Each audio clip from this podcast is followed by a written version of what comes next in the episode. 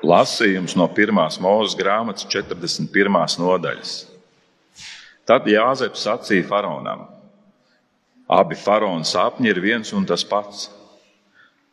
Dievs ir darījis zināmu, ko viņš faraonam darīs. Septiņas brangās govis ir septiņi gadi, un septiņas glītās vārpes arī ir septiņi gadi. Tas ir viens sapnis. Un septiņas kaulainās un neglītās govis, kas iznāca pēc viņām, ir septiņi gadi un septiņas plānās, un austreņu kaltētās vārps arī ir septiņi gadi, bada gadi. Šis ir tas, par ko es sacīju faraonam. Dievs ir atklājis faraonam, ko viņš darīs. Redzi, nāks septiņi gadi, kuros liela pārticība būs Eģiptes zemē, un tad nāks septiņi bada gadi pēc tiem, un tad tie aizmirsīs visu pārticību Eģiptes zemē, jo bats aprīs zemi. Un netiks vairs pieminēta pārticība tajā zemē, bada dēļ, kas sekos, jo tas būs ļoti smags. Un ka sapnis divreiz ir rādījies faraonam, ir tāpēc, ka Dievs tā lēms un steigsties to arī piepildīt. Un tagad, lai faraons izrauga uzticamu un gudru vīru, to lai viņš ieceļ pār visu Eģiptes zemi. Lai faraons tā dara un lai ieceļ uzraugs pār zemi, kas lai ņem piekto daļu septiņos pārticības gados. Un tie lai sakrāja visu maizes labību, šīs labajos gados, un lai liek sabērt labību faraona virsuzraudzībā, kā pārtika pilsētās, lai tā tiktu saglabāta. Un šī pārtika būs zemē par krājumiem septiņiem bada gadiem, kādi pēc tam nāks Eģiptes zemē. Tā zeme no bada netiks izpostīta. Un šie vārdi ļoti labi patika faraonam un viņa kalpiem. Un faraons sacīja saviem kalpiem: Vai gan var atrast tādu vīru, kam ir dieva gars kā šim? Un faraons sacīja Jāzepam: Kad nu Dievs tev darīs zinām visas šīs lietas, tad nav cita uzticamāka un gudrāka vīra par tevi. Tu būsi pārvaldnieks manā namā, un visai manai tautai būs pakļauties taviem vārdiem. Tikai par troņu tiesu es būšu lielāks par tevi. Un faraons sacīja Jāzepam: Redzi, es tevi ieceļu par visu Eģiptes zemi. Un faraons novilka savu gredzenu no savas rokas un deva to Jāzep, Jāzepam rokā. Un viņš apvilka tam dārgas drēbes un lika tam zelta ķēdi ap viņa kaklu. Un viņš lika tam braukt savos otrajos ratos, kas tam bija, un lika saukt viņa priekšā: Meties ceļos! Tā viņš to iecēla par visu Eģiptes zemi. Tā kunga vārds - pateicība Dievam. Lasījums no apstuļa Pāvila vēstules romiešiem 8. nodaļas. Tātad, brāļi, mūs vairs nekas nesaista ar miesu, ka mums būtu jādzīvo pēc miesas. Jo ja, jo, ja jūs pēc miesas dzīvojat, tad, jūs, tad jums jāmirst. Bet, ja jūs gara spēkā darāt galu miesas darbībai, tad jūs dzīvosiet. Jo visi, ko vada dieva gars, ir dieva bērni. Jo jūs neesat saņēmuši verdzības garu, lai atkal kristu bailēs, bet jūs esat saņēmuši dievbijības garu, kas mums liek saukt abatēvs. Šis pats gars apliecina mūsu garam, ka esam dieva bērni. Ja nu esam bērni, tad arī mantinieki, dieva mantinieki un Kristus līdzmantinieki. Jo tiešām, ja līdz ar viņu ciešam, mēs līdz ar viņu tiksim arī apskaidrot. Tā kunga vārds - pateicība. Pēlstība jums un miers no Dieva, mūsu Tēva un no Kunga Jēzus Kristus. Āmen. Lasījums no Jēzus Kristus evaņģēlija, ko ir pierakstījis Svētais Lūkas.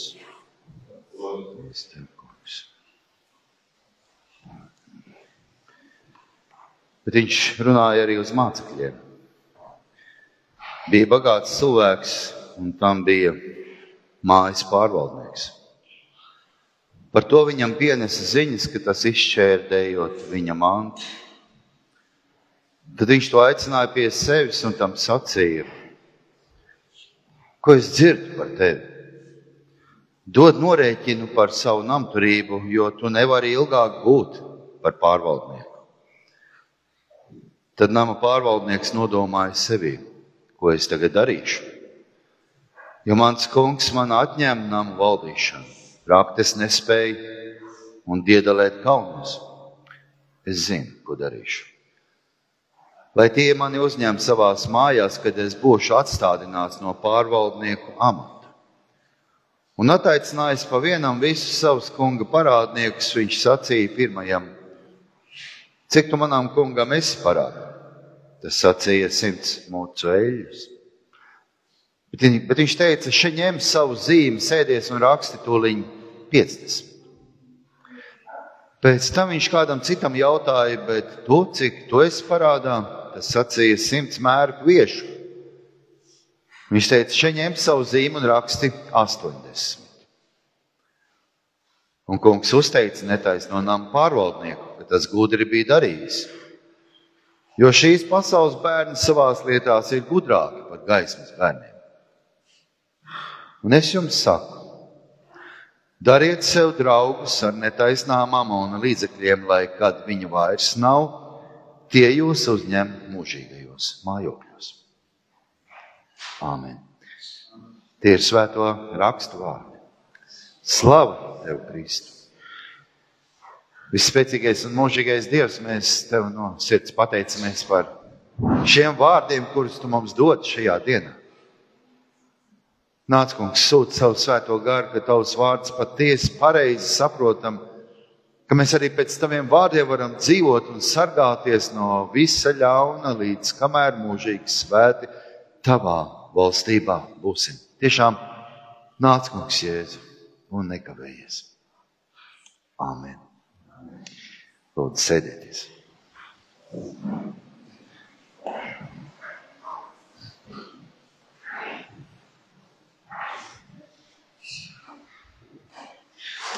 Tikko dzirdētā Jēzus līdzība. Kā jums šķiet? Cik viņi parasti vai neparasti šķiet?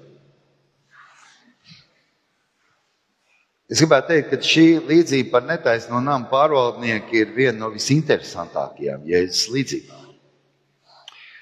Tā ir viena no, kā mēs parasti esam sagrupējuši, vairāk vai mazāk šīs līdzības, to varētu nosaukt par namturības līdzību. Jo tās tēma gan no pirmā skata, gan arī iedziļinoties tās jēgā, runā par, par nama turību. Kā tas ir gudri un apdomīgi rīkoties ar to mantu, kas tev ir uzticēta.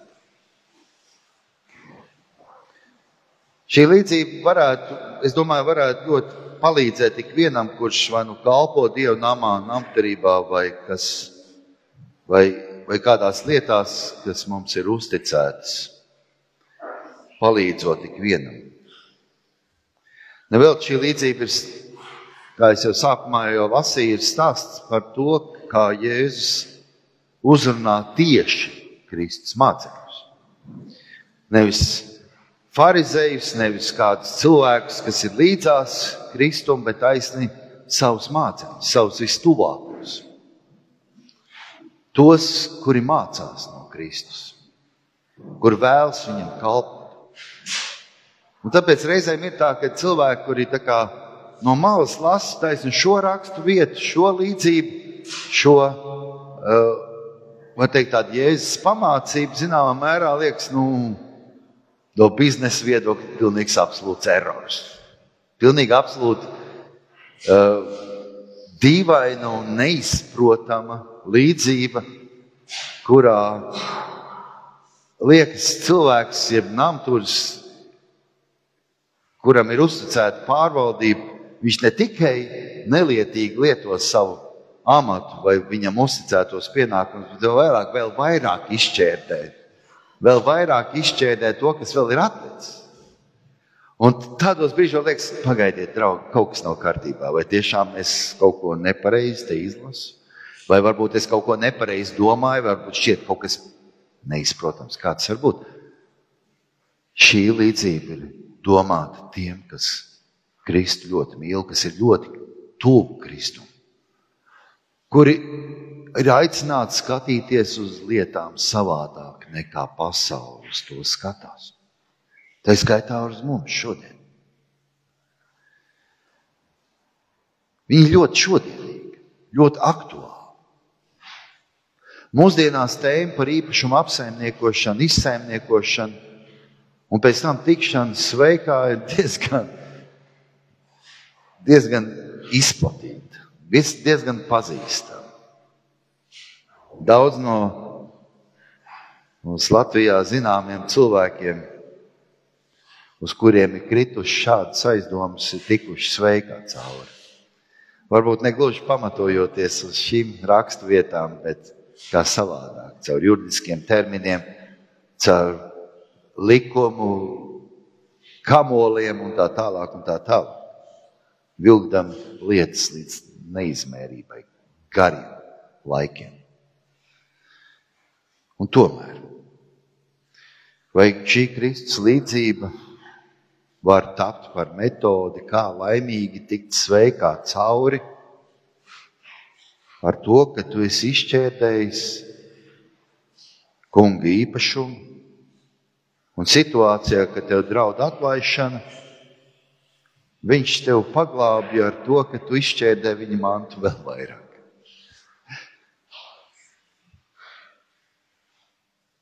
Viņš jau saņem uzslavu. Ja mēs lūkojamies, kā jau teicu, no pasaulīgas pieejas, no pārvaldnieku pozīcijām, tad jēzus līdzība šķiet absolūti nesaprotama, dīvaina. Vai Jēzus ar šo līdzību vēlējās uzslavēt netaisnu rīcību? Es domāju, ka nē.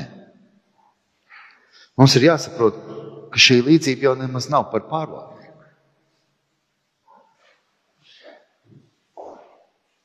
Šīs līdzības uzmanības centrā ir absolūti kaut kas cits.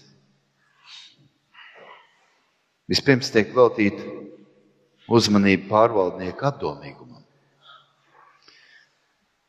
Viņš apdomājas par to, kādas var būt viņa darba sekas.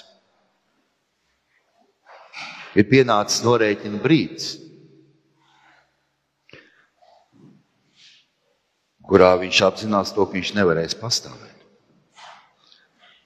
Viņam būs jāatskaitās kungam, viņi izmetīs no darba, viņam nebūs kur iet. Kā mēs lasām, rakts man nav spēka, bet ubagoties kauns. Visbeidzot, pārvaldnieks izšķirs par vēl dīvaināku soli, kad viņš, kas beigās izrādās vienīgais pareizais, viņš sasauc visus savus kunga parādniekus kuriem pēc kaut kādiem noteikumiem vai līgumiem ir jāatmaksā noteikts apjoms atpakaļ.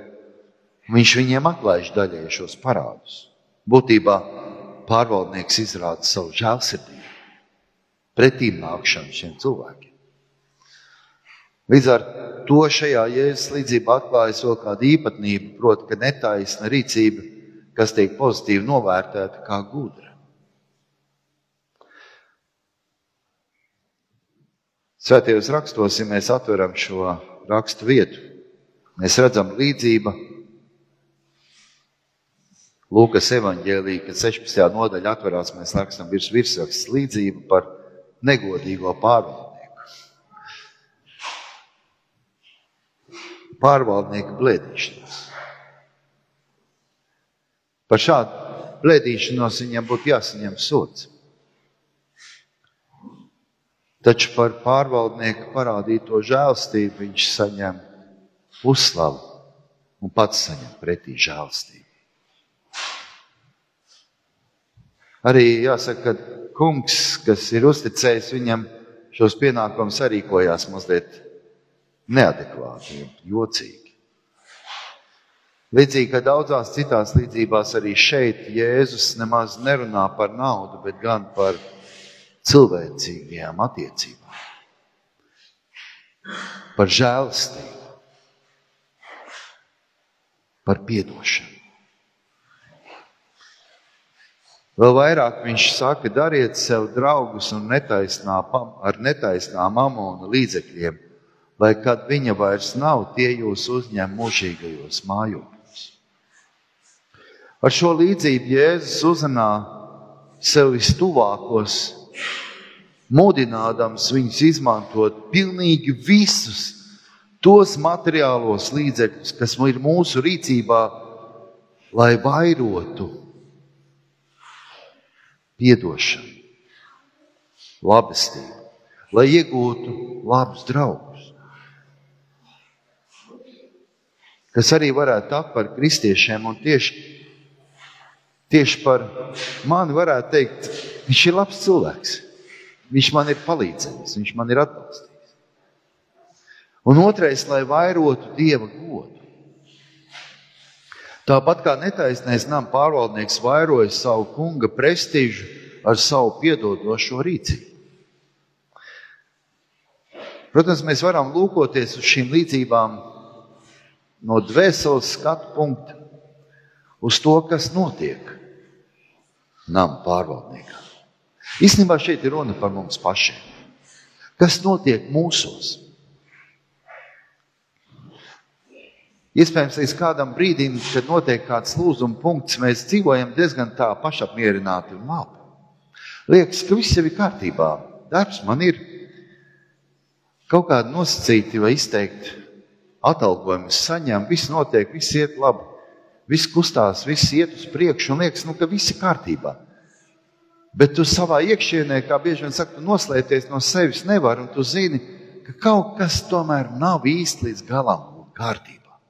Un pienāks kāds brīdis, kad būs lūzuma mirklis, kad tev būs par to jāatbild.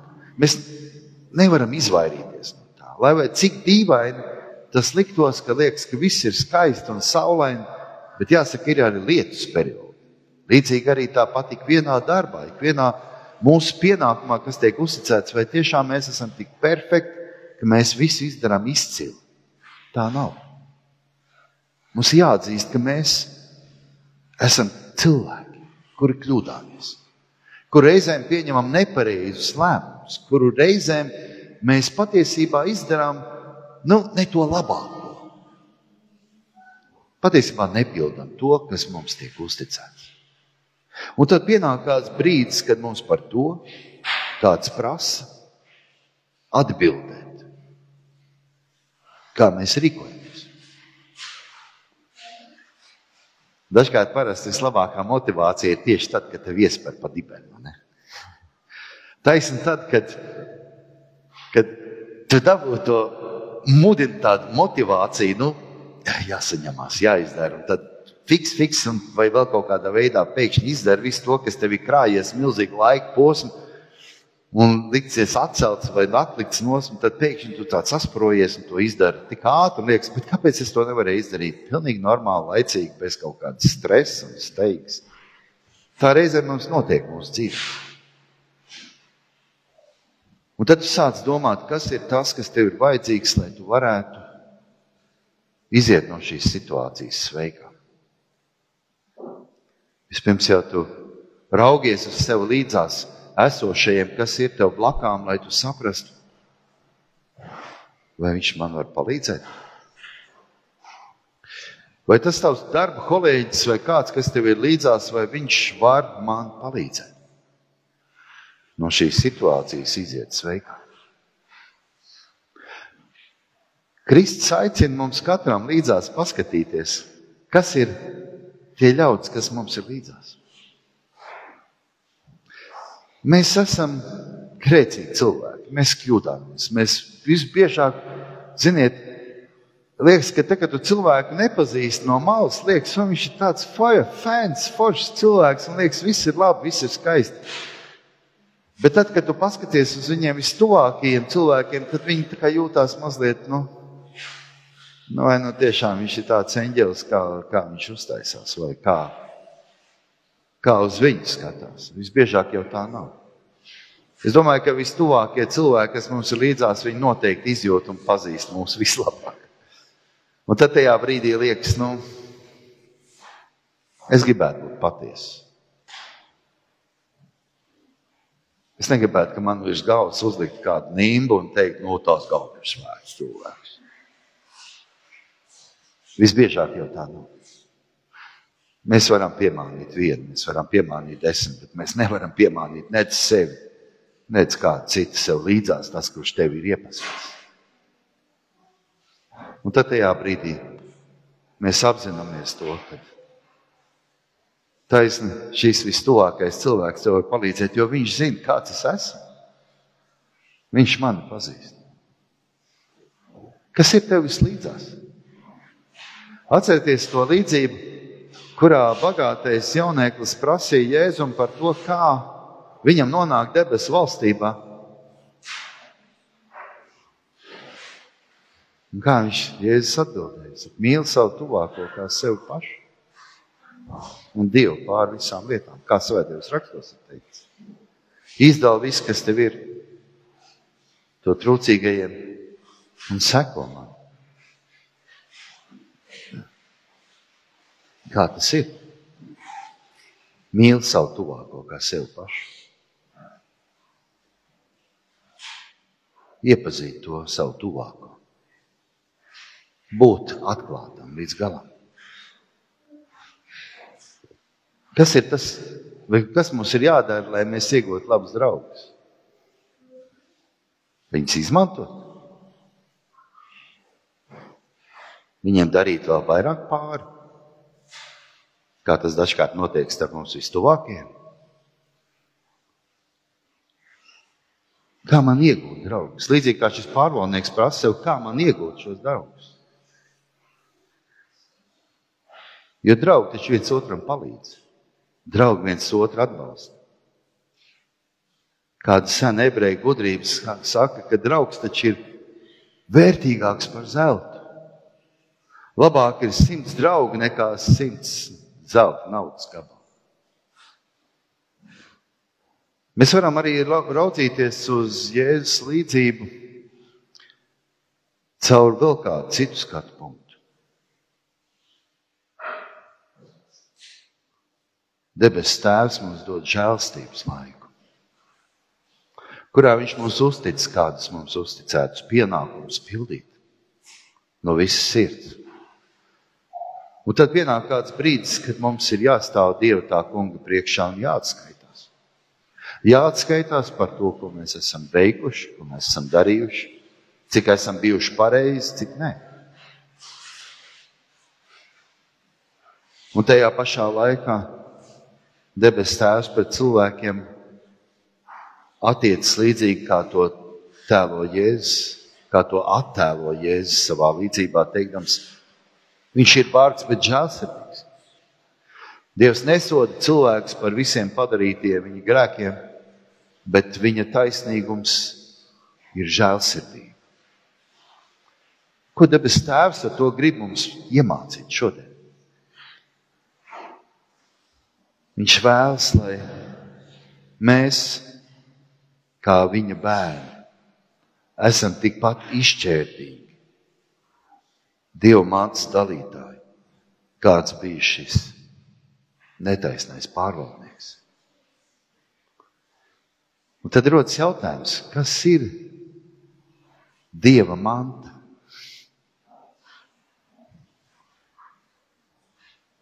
Kas ir tas, ko tas kungs mums ir uzticējis pārvaldīt? Ikvienam no mums. Kā jums šķiet?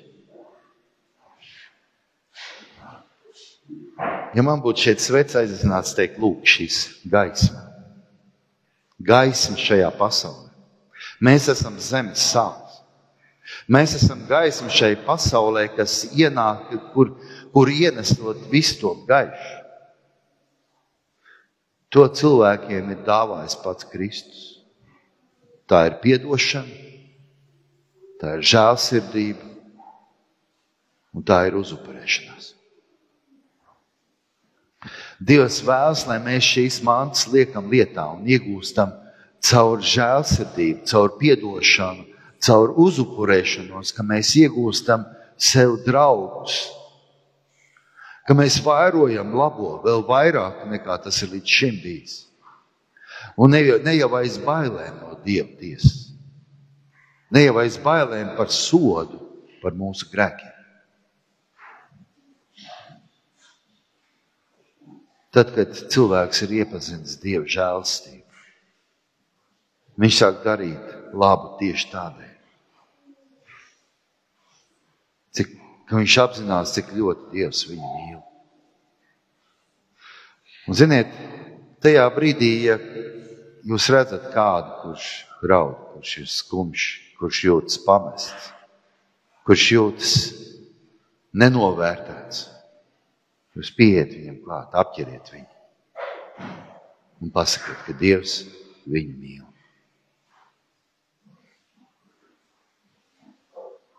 Tā ir žēlstība.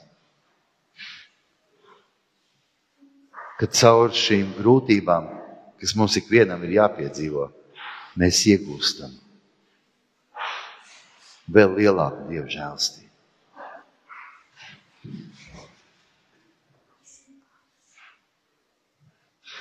Kā mēs varam spēt piedot? Kā mēs varam parādīt žēlstību? Kā mēs varam uzupurēties un mīlēt? Pajautājiet to paši sev. Pajautājiet to sev, vai es nāku pretī, vai es piedodu, vai es esmu žēlsirdīgs. Iespējams, ka daudz no mums, kas savā garīgā dzīvē esam sasnieguši kādu lielāku vai augstāku līmeni, spējam apstiprinoši atbildēt uz visiem šiem jautājumiem. Iespējams, mēs neesam perfekti un labi, lai gan uz to esam aicināti. Problēma jau īstenībā nav tajā, vai es spēju vai es nespēju darīt labu. Bet tajā, kad bieži vien cilvēki nevēlas būt nemaz tik labi. Iekš visa un visa. Jo mūsu iekšējais cilvēks, tas grēcīgais cilvēks, visbiežāk taisni kliedz pretī Dievam, teikdams, es to negribu. Mēs nevēlamies paklausīt Dievam. Jo mūsos kaut kas ir pret Dievu. Un tieši tāpēc lielākais brīnums, ko Dievs izdara cilvēkā, ir tas, ka Viņš rada cilvēkā vēlmi būt paklausīgam Dievam un pildīt Dieva likumus, darīt labu. Un tad, kad cilvēks paklausa, viņā sāk notikt visdziļākās pārmaiņas, proti, viņa dvēselē. Un dažkārt mums pietiek arī ar to, ka, sabiedrība ir, ka sabiedrībā ir labi tikumi godā turēti. Un ja mēs dzīvojam šādā sabiedrībā, kurā mudināts tiek darīt labu darbu un atalgot labu darbu, tad arī kopīgi dzīvot ir daudz būtīgi, ir vieglāk. Tas kungs, lai mums palīdz, ka mēs ieraugām viens otrā cik ļoti Dievs mūs mīl. Un, ja mēs redzam kādu mums līdzās, kam ir vajadzīga palīdzība, atceramies, tas kungs mūs uz to aicina, ka mēs atgādinām, ka Dievs arī viņu mīl. Āmen!